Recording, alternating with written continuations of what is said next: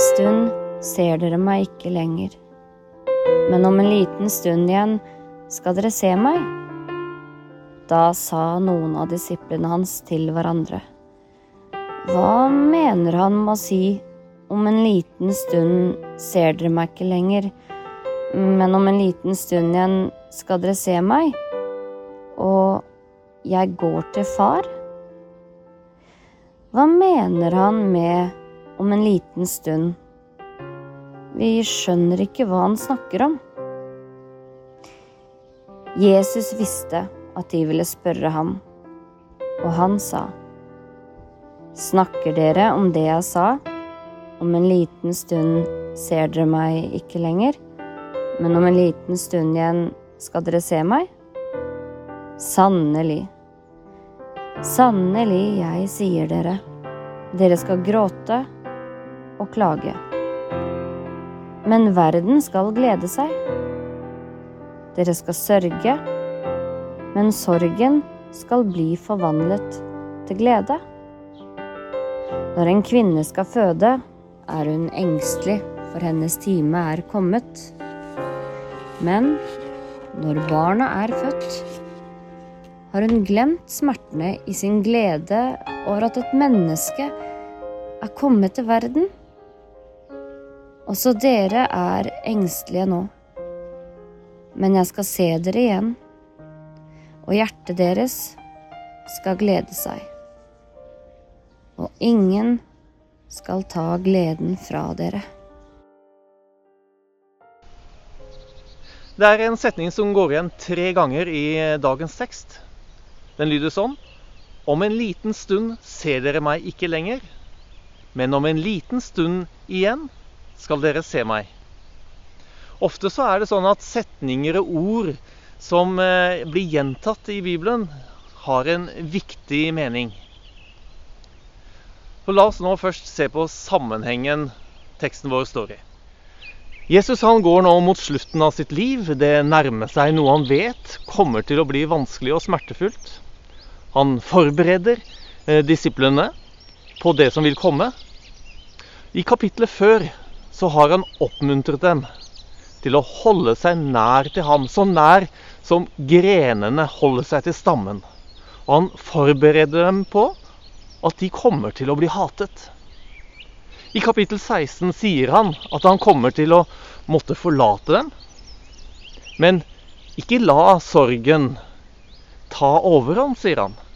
For det er til det beste for dere at jeg går bort. For dersom jeg ikke går bort, kommer ikke talsmannen til dere. Men går jeg bort, kan jeg sende ham til dere. Og så kommer vår tekst, som egentlig avslutter med å sammenligne sorgen som de kommer til å oppleve, med engstelsen og smerten til en fødende kvinne. Men når barnet er født, sier Jesus, har hun glemt smertene i sin glede over at et menneske er kommet til verden.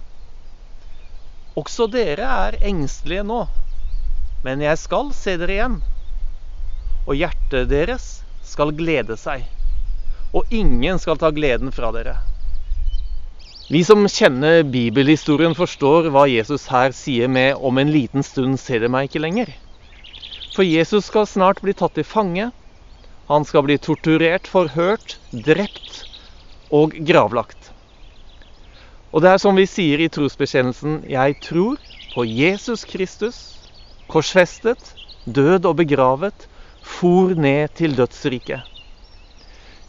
Jesus skal gjennom noe som ingen andre kan gjøre. Han er Guds lam, som bærer bort verdens synd. Det var derfor Jesus kom.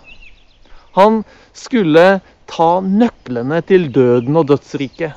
Dette snakket vi om på langfredag. Han skulle seire over verdens mørke og fortapelse. Men så sier Jesus videre.: Men om en liten stund igjen skal dere se meg. Tilbake til trosbekjennelsen. Jeg tror på Jesus Kristus. Sto opp fra de døde tredje dag. Jesus har sagt det mange ganger, og på flere ulike måter. Likevel så var dette uforståelig for disiplene. Ingen kom jo tilbake fra døden.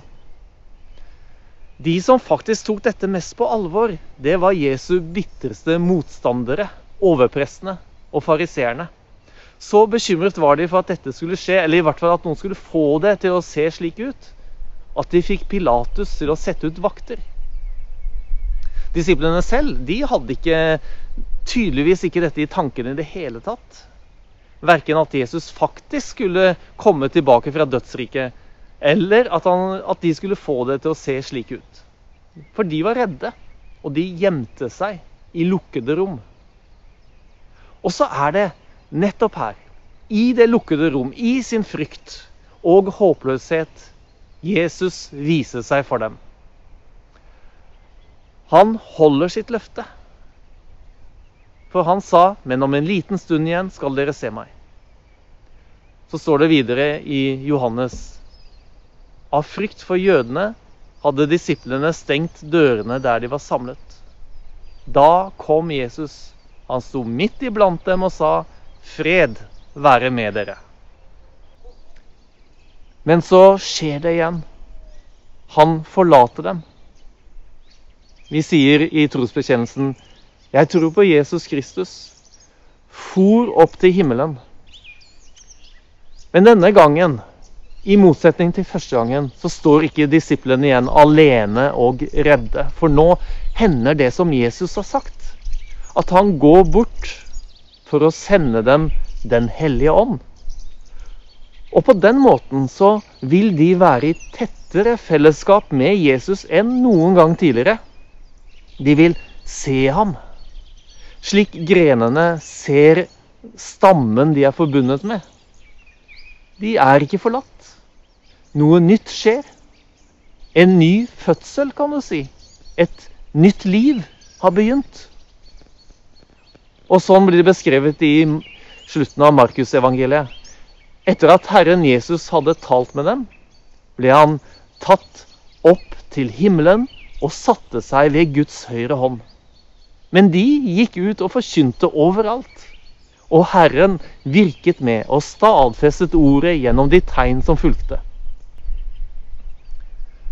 Disse hendelsene vi får oppleve gjennom eh, disse troverdige fortellingene vi har i Bibelen, er til oppmuntring og til tro for oss. Jesus gjorde også mange andre tegn for øynene på disiplene, skriver Johannes tegn som ikke er skrevet om i denne boken.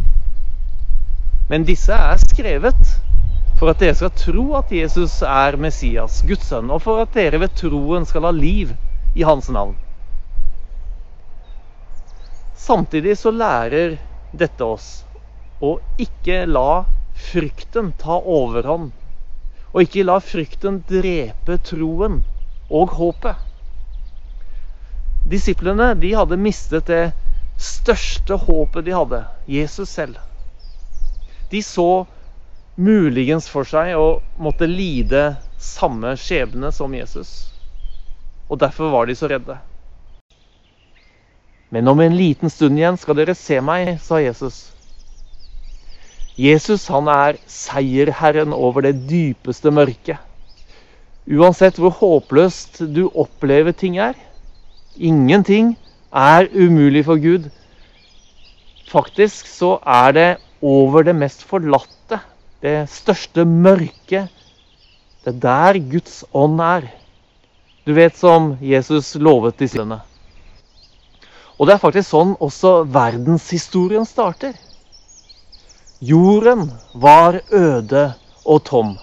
Mørket lå over dypet, og Guds ånd svevde over vannet. Da sa Gud, det skal bli lys, og det ble lys.